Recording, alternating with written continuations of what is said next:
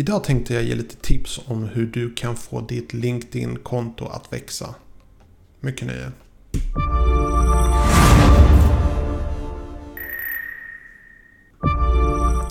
Hej, mitt namn är Tommy. Välkommen till min kanal där jag hjälper dig att bemästra social media idag. Jag släpper en ny video precis varje dag klockan 7. Eh, du kan prenumerera, du kan sätta igång notifieringar så att du får notifieringar så fort jag släpper en ny video. Men så kan du också komma ihåg att det klockan sju varje dag. Um, idag tänkte jag ta upp uh, LinkedIn, lite nybörjartips uh, för de som försöker komma igång med sitt uh, LinkedIn. Och för de som tänker oh jag borde hoppa över till steg två istället, avancerade tips för att nybörjartips det är det är inte så, det är inte riktigt den nivån jag är på. Men grejen är att de flesta människor som det inte går så bra för på LinkedIn det är för att de har missat väldigt enkla steg som nybörjare bör följa. Och därför bör du kanske ta en titt på dessa fem steg. Kan du dem redan? Toppen. Men det kan vara en bra idé att kolla igenom om du behöver kolla igenom dem. Eh, för nybörjare, min åsikt om LinkedIn är lite blandad. Ehm, på ett sätt så tycker jag att det är en fantastisk idé. På ett annat sätt, jag gillar inte riktigt hur de försöker sälja premiumpaketet i LinkedIn. Men jag tror att det här kommer efter ett tag utjämnas på ett väldigt bra sätt. Annars kommer det bara komma en konkurrent som kommer ta över för LinkedIn.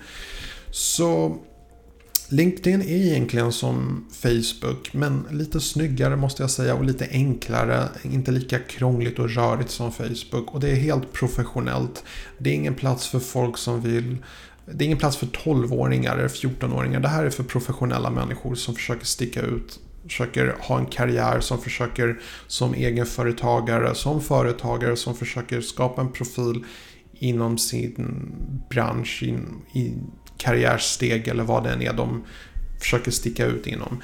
Så dessa tips är bara lite enkla fem steg som jag tycker de flesta borde tänka på när de startar sitt eh, tänkte säga Instagram-konto, men eh, sitt eh, LinkedIn-konto. Första är profilbilden. Um, jag hade definitivt sett till att man tar riktigt bra profilfoto och då menar jag verkligen ta fram en systemkamera be någon med lite av ett intresse. Om man inte själv är intresserad av att fotografera så kan man be någon med ett intresse för fotografering att ta ett bra foto.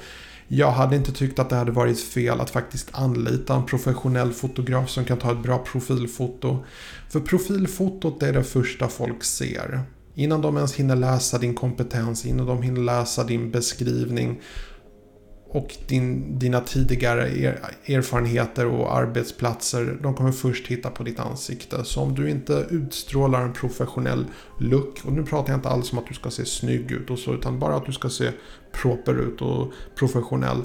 Profilfotot säger väldigt mycket. Det är det första folk lägger märke till, ansikte. Och verkligen fokusera på att ta ett foto där du faktiskt tittar direkt in i kameran, skapar ögonkontakt med personen som tittar på det. Så det är första tipset. Det här får, det kan inte understrykas nog hur viktigt profilfotot faktiskt är.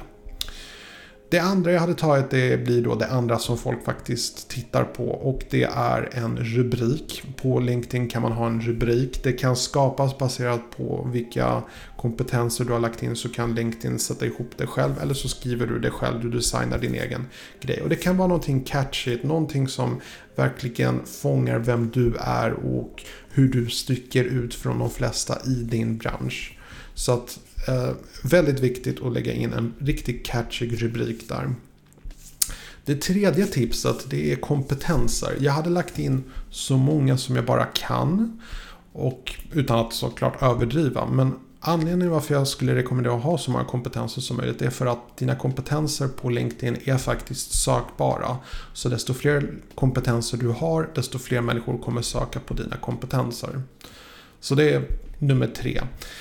Eh, det fjärde tipset är faktiskt att du ska bli vän med så många kontakter du har. Uh, inte bara för att folk kan rekommendera det, men det är, en, det är ett steg för sig, mer avancerade grejer. Börja först med att ha så många kontakter som möjligt. Du vill inte vara en ensam varg som har två vänner på LinkedIn.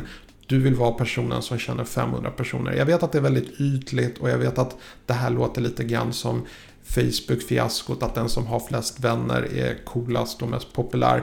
Men just på LinkedIn då räknas faktiskt antalet. Du får en högre rang desto mer människor du känner. Så ha så många kontakter som möjligt. Och det räcker faktiskt att du är vän med någon som du har bara sagt hej till i, i någon after work eller någonting liknande. Gamla arbetskollegor, gamla barndomsvänner, lägg till alla du känner. Ha så många som möjligt. Det sista tipset det är när du beskriver dina tidigare eh, erfarenheter från olika företag eller uppdrag om du är konsult. Det är att du har så korta beskrivningar av arbetsplatserna som möjligt. Och här är det lite grann att göra reklam för sig själv igen. Att det ska vara kort, koncist, professionellt. Man ska inte...